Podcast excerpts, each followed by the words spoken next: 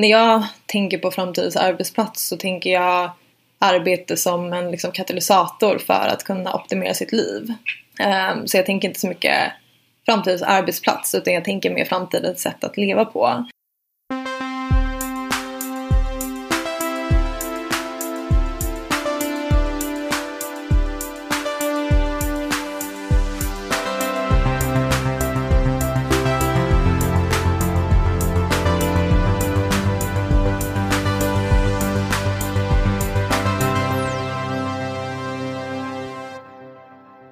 Välkommen Sofia Lindman till Heja Framtiden.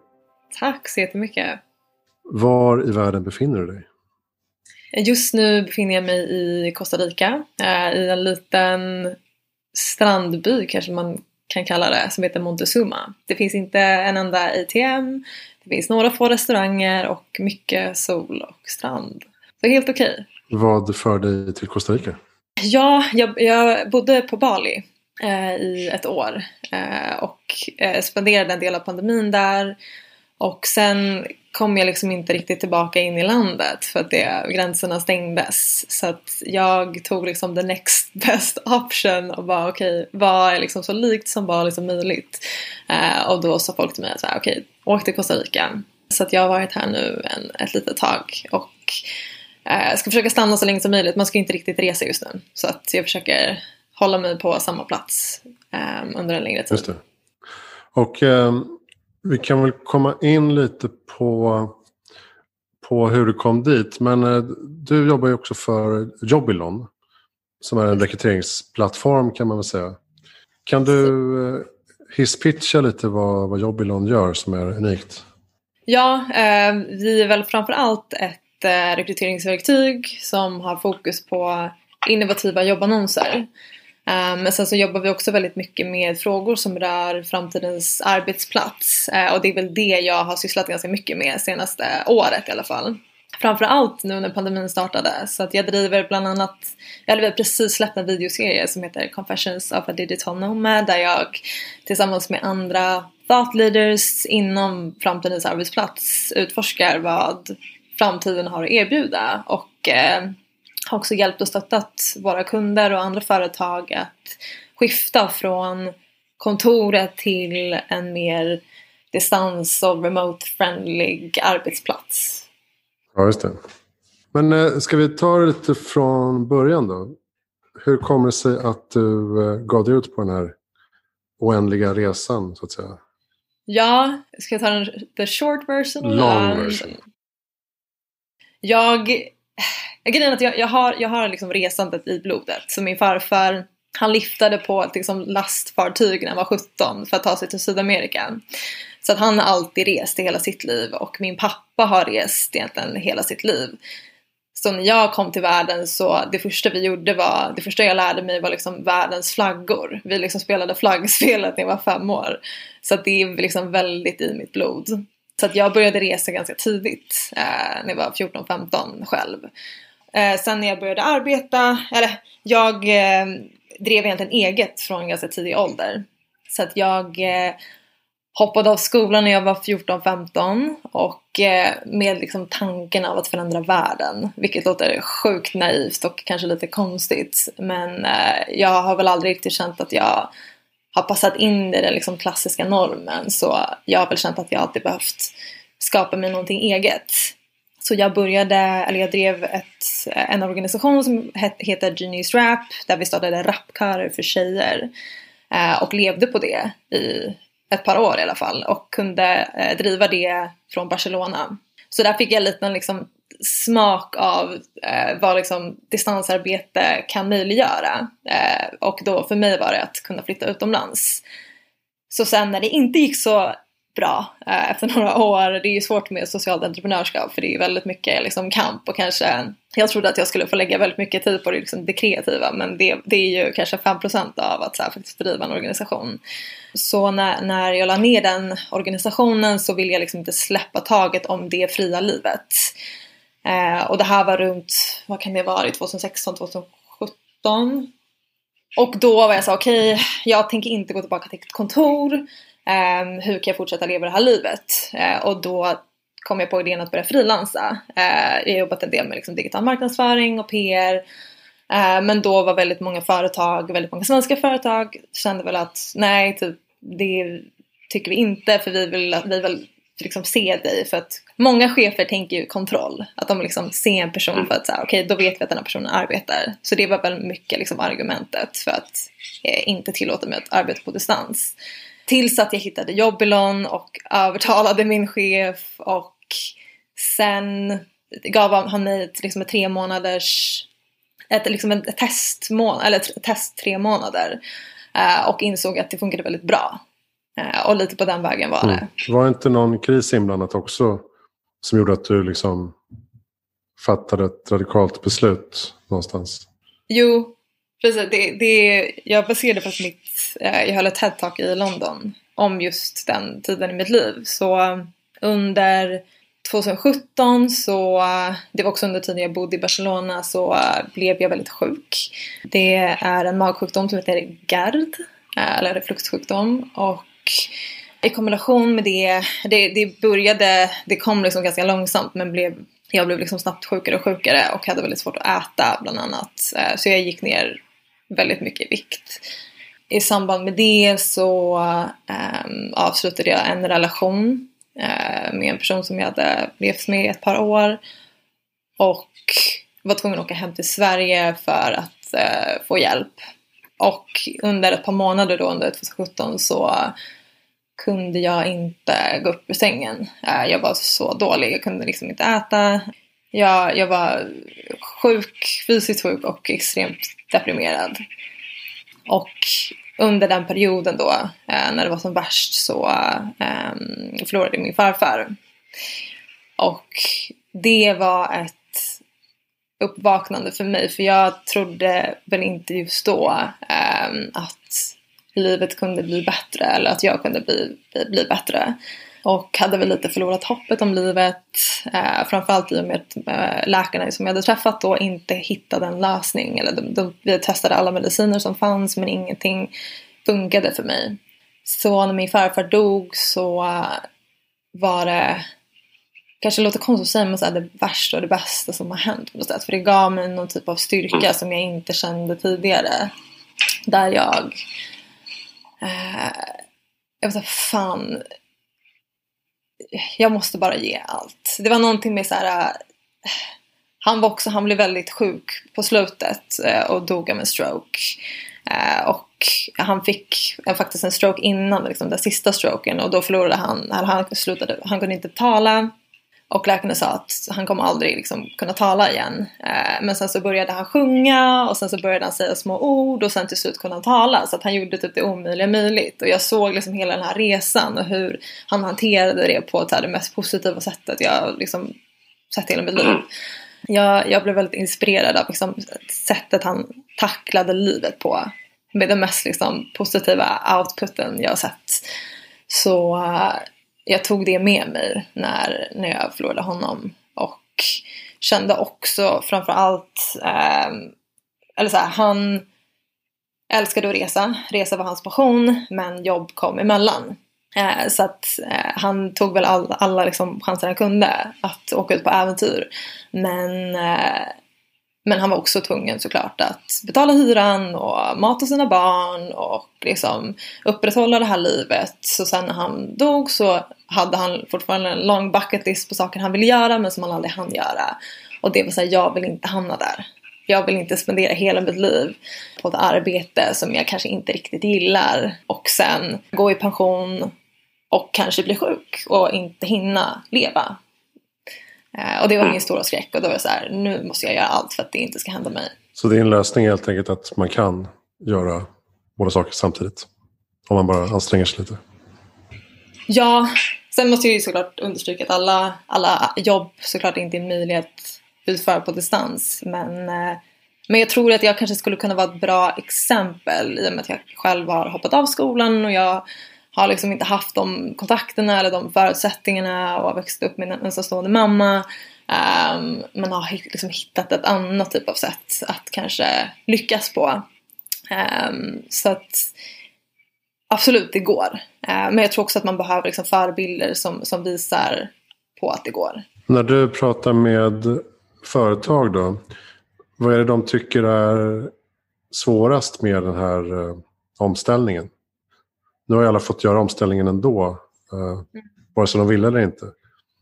Men eh, tycker de att det är jobbigt att förlora kontrollen och kulturen och ledarskapet på sätt och vis?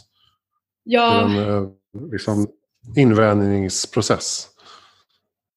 Ja, vet, många företag, eller alla företag som tvingades liksom skifta till distansarbete gjorde ju också det på tre sekunder. Det var inte en, liksom, en långsam transformation där de implementerade liksom, ingen strategi överhuvudtaget.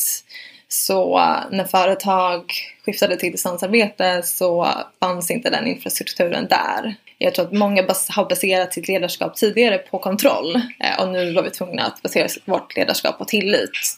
Eh, så jag tror att inte nog med att vissa företag inte heller var digitaliserade och hade de liksom, eh, digitala verktygen för att kunna kommunicera så hade inte heller alla ledare skiftat till det typ av ledarskapet som man behöver för att kunna leda team på distans. Så att det har ju uppstått otroligt många utmaningar såklart i och med det skiftet vi har gått igenom. Och, men jag tror verkligen att i det skiftet så ligger också enorma möjligheter. Och tror såklart också på att vi behöver den liksom fysiska, fysiska mötesplatsen. Men mer och mer företag har insett vikten av att kunna leda på distans. Men det har ju framförallt varit just den här infrastrukturen och så här hur hur hittar vi ett bra sätt att kommunicera på men framförallt hur hittar vi ett sätt att behålla vår kultur? Hur liksom upprätthåller vi den här kulturen? och får våra medarbetare känna en typ av tillhörighet nu när vi inte kan ha den liksom fysiskt. Vi kan inte uppleva den kulturen fysiskt. Eh, så det har väl framför allt varit det eh, som många har liksom försökt upprätthålla på olika sätt. Eh, och skapa någon typ av liksom gemensam upplevelse men på distans. Ser du att kontoret då får en roll snarare som kulturskapare och mötesplats snarare än att det blir en arbetsplats där man ska sitta och nöta hela dagarna? Ja, det tror jag absolut. Och sen så tror jag inte alla behöver ett kontor överhuvudtaget. Jag tror att vissa behöver ett kontor. Eh, men jag tror absolut att det kommer, eh, det kommer vara i form av en, en mötesplats. Eh, och kanske till och med olika mötesplatser. Att man kanske har beroende på vart man är liksom lokaliserad. Eh, att man kanske har coworking space. Eh, så att man går till liksom sitt närmaste coworking space och jobbar med andra som sitter på andra företag. Så att jag tror att den strukturen kommer se annorlunda ut. Eh, och att kontor inte, vi kommer inte behöva lika mycket utrymme. Um, och eh, jag vet att flera företag redan idag har liksom, okej okay, vi, använder, vi använder kontoret som en liksom samlingsplats där vi får ny inspiration och liksom, vi kan ta en kaffe med våra, våra kollegor och uh, kanske ha workshops uh, men inte som ett ställe du sitter på liksom, och klockar in och klockar ut. Eh, och det är dit jag tror vi är på väg. Eller vi är, vi är redan på väg dit. På sätt och vis var det ju positivt för, eh, för din filosofi i alla fall att det här skiftet skedde så pass snabbt. Samtidigt som det blir förstås en del barnsjukdomar. Då folk blir eh, trötta och uttråkade av att sitta hemma och, eh, och inte träffa sina kollegor. Eh, Zoom, Zoom-matta. Men eh, vad ser du att vi kan tjäna då på att gå över till den här mer flexibla hybrid modellen i arbetslivet? Väldigt mycket. Um, när jag tänker på framtidens arbetsplats så tänker jag arbete som en liksom, katalysator för att kunna optimera sitt liv. Um, så jag tänker inte så mycket framtidens arbetsplats utan jag tänker mer framtidens sätt att leva på. Framförallt nu i en tid där många har hunnit reflektera över sina liv och uh, hur de vill leva framöver och har fått en liksom, uh, kanske en idé, ett hum om hur det är att arbeta på distans. Och sen, jag menar, det var ju komiskt nu när pandemin slog till och våra kunder var såhär, okej okay, men Sofia jobbar på distans, hon vet hur det är. Och jag bara, ah, jag, jag vet hur det funkar men jag jobbar inte, jag sitter inte instängd hemma liksom. Det är inte samma sak. Att så här, hemarbete och typ isolera dig. Mitt liv har inte varit eh, isolerat på det sättet så det är ju såklart en utmaning för alla även om du också har jobbat på distans. Mm tidigare. Men eh, nej, det var, det var så intressant för att jag läste en rapport nyligen om så vad människor faktiskt prioriterar eh, nu när eh, majoriteten har behövt arbeta på distans. Och det har ju varit de mest liksom jag tänkte att ja, men det är de här revolutionerande idéerna om att så här, okej, okay, nu får jag jobba på distans, nu kommer jag flytta ut till en träkoja i djungeln. Och det är ju inte riktigt så, utan människor vill ju ha det första var liksom att reducera sin restid för att kunna spendera tid eh, med annat som man bryr sig om och tycker är roligt. Eh, det andra var eh, att få mer tid att eh, vara utomhus och träna. Och det tredje var att spendera mer tid med sin familj. Eh, så att det människor vill ha är egentligen inte något revolutionerande utan det är mer back to basic. Eh, och kanske skapa sig ett liv som man mår väldigt bra av. Så att jag tror i kombination med liksom corona och att chefer nu faktiskt inte kan komma med argumentet ja ah, fast vi vet ju inte om du faktiskt arbetar om du jobbar remote. Det går ju liksom inte längre. Så tror jag att företag kommer behöva tvingas eh, att eh, vara mer flexibla. Eh, och i kombination med att fler och fler storföretag också har, Spotify gick ju ut med det, vad var det, förra veckan, deras alltså work from anywhere policy. Så att vi, vi går åt det hållet och jag tycker bara att det finns en win-win med att Eh, tillåta sina medarbetare att liksom, ta mer ägarskap över sina liv och faktiskt ja, leva ett liv som man mår bra av. För det, jag menar, det spiller ju över på liksom, sin produktivitet och om man mår bra på jobbet så kommer man också leverera. Jag har ju själv jobbat hemifrån i 15 års tid så för mig var det här har alltid varit helt självklart. Men så fort jag får uppdrag som är lite större eller om det pratas om jobb eller halvtider och sådär, då kommer alltid tillägget att eh, det vore bra om du kunde sitta här eh, eh hos oss och jobba. Det är det bästa. Och, och där börjar jag liksom direkt eh, klia lite för att det är, liksom, det är det livet jag inte har valt. Så jag försöker alltid slinga mig undan det där. Men jag menar bara för något år sedan så var det ju fortfarande du kunde inte ta en lång lunch hur som helst. Utan du måste ju rapportera allting. Du måste säga till när du ska gå till tandläkaren eller hämta tidigt på dagis. Mm. Och för mig är det bara så fantastiskt att sådana saker kan man nu strunta i på ett annat sätt. För att det, är här, det, är, det handlar om vad du gör, inte var och när och hur. Nej, och det finns ju så många verktyg för att kunna mäta produktivitet. Det går ju liksom, så länge man har den här infrastrukturen så spelar det ingen roll om du spenderar tre timmar på en lång lunch så länge du liksom håller dina deadlines. Som man mäter på det sättet mm. och kanske inte på så här du har jobbat åtta timmar, du ska sitta dina åtta timmar. Så, så kan man också ja, men bygga team på ett helt annat sätt. Och då behöver man inte, då är inte de detaljerna viktiga utan det är viktigt att du levererar liksom, och that's it. Och sen hur du gör det och hur lång tid det tar, det är inte lika viktigt. Eller det borde inte vara lika viktigt. Nej. Ser ni någonting på Jobilon hur man börjar bredda rekryteringarna och kunna ta in folk från andra delar av världen nu när alla ändå sitter på distans? Absolut.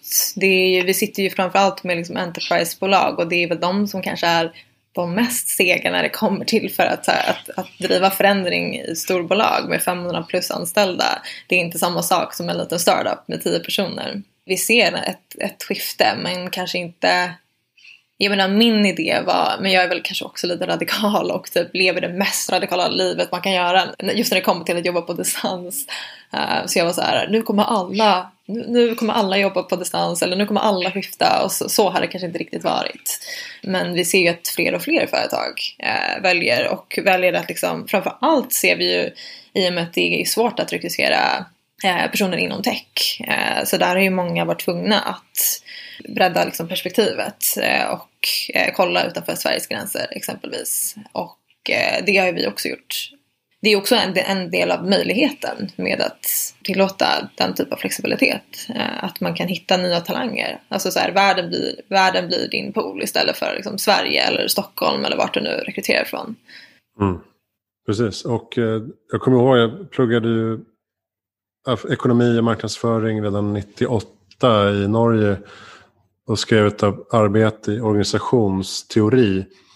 Och då var det just den här eh, bredbandsrevolutionen och snart kommer vi kunna sitta var vi vill i en stuga på landet och jobba uppkopplat och hur lätt som helst.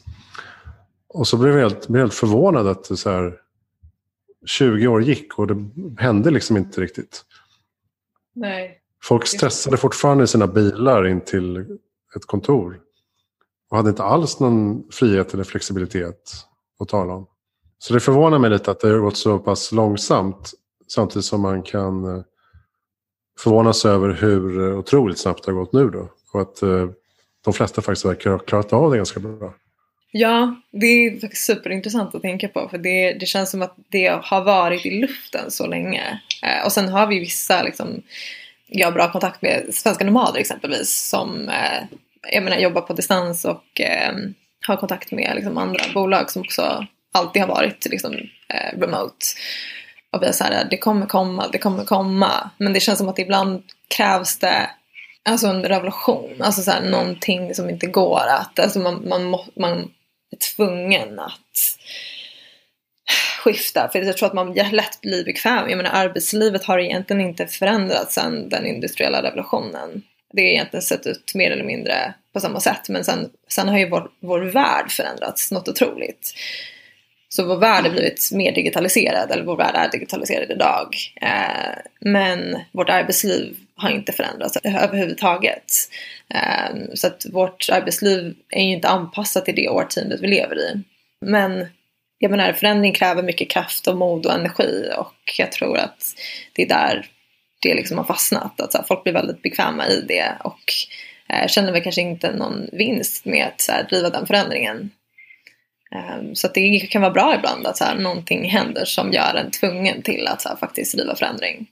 Uh, det är precis som att så här, man kanske blir dumpad och bara fan det här är det värsta som hänt i mitt liv och sen kommer man över det och får massa nya insikter och börjar resa eller skaffa ett nytt jobb eller flyttar till en ny stad och bara men gud det här, jag behövde den här förändringen men jag förstod det bara inte själv. Mm. det känns lite som samma sak att så här, de bara men gud det här, det här var liksom, bättre än vad jag trodde. Fan varför har inte testat det tidigare? Så det, ja, det är väldigt intressant hur vi ändå har anpassat oss väldigt bra. Vad är den största utmaningen för dig då? När du, till exempel Bali och Costa Rica. Det är, jag kan tänka mig att det är lite jobbigt att få ta på bra uppkoppling och så här hela tiden. Och tidsskillnader och så vidare. Vad är svårast med ditt liv? Um, bra fråga. Det är de här praktiska detaljerna. Jag menar wifi absolut. Och det är väl också det mest liksom, essential. Det är, har jag inte wifi så kan jag inte arbeta. Jag tror senaste typ, månaderna så har jag också börjat tänka på så här, vad är mitt hem? Är hem en fysisk plats? Är hem Sverige? Vart har jag hemma? Uh, det har kommit upp väldigt mycket. Mm. Och uh, jag vet inte, jag tror folk har liksom en idé av vad en digital nomad är. Att det är en sån person som sitter i sin lilla hemmack typ och pillar på datan och typ dricker en liten margarita. Uh, och så är det verkligen inte. Utan du sitter inne på ett kontor, nu sitter jag inne i mitt rum och solen skiner. Så att du så här, det är nästan ännu värre än att så här, sitta i Sverige och det är ändå dåligt väder. Typ. Nu ser jag stranden, jag kan liksom bara titta ut och se stranden men jag får inte gå ut för att jag ska sitta och jobba. Det kräver ju en otrolig disciplin och Um, framförallt om man flyttar runt mycket så kräver det att um, man är lite sin egna bästa vän och uh, kan liksom uh, tillgodose sina behov själv. För förra året så uh, var jag i Kazakstan en månad och där pratar ingen engelska. Eh, bankautomaterna är inte på engelska, så allt är på ryska. Så att varje gång jag var tvungen att ta ut pengar så var jag tvungen att fråga någon i kön. Alltså, så allt blev verkligen en stor utmaning. Uh, och det kan, jag menar det är klart att det är en distraktion eller så här, det tar mycket energi och, från, från jobb också. Uh, samtidigt som jag älskar det, jag älskar det oförutsägbara. Jag älskar att vakna upp på morgonen och bara, jag har verkligen ingen aning om vem jag kommer träffa, vad som kommer hända. Uh, till skillnad från kanske mitt liv tidigare i Sverige. Mm. Ja, häftigt. Jag brukar avsluta och fråga, eh, vad är ditt bästa tips för att göra världen bättre i framtiden? Jag tror att det börjar med samtal. Ehm, och att eh, våga mötas trots att vi har olika ås åsikter. Och att eh, ta lite tid till att faktiskt förstå varandra. Det har jag tänkt på mycket just när det kommer till resande. För man, jag blir alltid knockad av människors livsberättelser. Och det ger mig också en bättre förståelse kring varför människor är som de är. Och hur, varför de har blivit den de har blivit. Det tror jag definitivt på. För det känns som att eh, ofta undviker vi det som inte går i linje med hur vi själva tänker. Eh, och då skjuter vi det bort från oss när det kanske är precis de liksom, typ av åsikter eller berättelser vi behöver höra. Så att där, tror jag att, där tror jag att en förändring i alla fall börjar. Det ska våga skava eh, och det ska våga kännas. Men att det är okej. Har du bra lästips eller poddtips? Jag brukar lyssna på Raseriet. Um, som tar upp, um, pratar om rasism i Sverige. Uh, väldigt lärorik och intressant podd. Bra. Vem tycker att jag ska intervjua i Heja Framtiden? Det hade varit intressant att höra faktiskt svenska nomader som har jobbat med uh, liksom, eh, frågor som rör remote work eller distansarbete de senaste tio åren. Eh, och en av medgrundarna som jag också känner, Emily Fogelstedt, som har jobbat på distans från alla möjliga delar av världen och eh, har nu varit med i det här uppsvinget och ja, det är en sjukt intressant person i alla fall. Det var det, det, var det jag ville säga. Uh, definitivt värd att intervjua. Mm. Väldigt intressant person. Hon har, eh, hon har sagt att hon gärna är med någon gång. Så att vi har, en, vi har en, ett avtal. Ett muntligt avtal. Ah, så det ska vi ordna. Tack snälla Sofia Lindman. Eh, kolla in jobbilon.com och sofialindman.com för dina grejer också. Eh, kan man läsa mer och kolla på ditt TEDx. Och om man är nyfiken på mer om eh, tjejrapkörer. Jag tycker det är en fantastisk eh, affärsidé. Finns det någon som kör vidare med det? Nej, inte just nu, men tanken har slagit mig. Tanken slår mig några gånger per dag. Så det känns som att det inte är omöjligt att det kommer tillbaka någon gång i framtiden. Kanske starta upp en här i Costa Rica. Ja, ja varför inte? Det skulle vara jättekult. Grymt. Ja. Tack snälla för att du är med i Heja Framtiden. Vi eh, rullar vidare. Hejaframtiden.se, där hittar alla avsnitt. Jag heter Christian von Essen. Tack snälla för att du lyssnar och eh, vi hörs nästa vecka med något annat.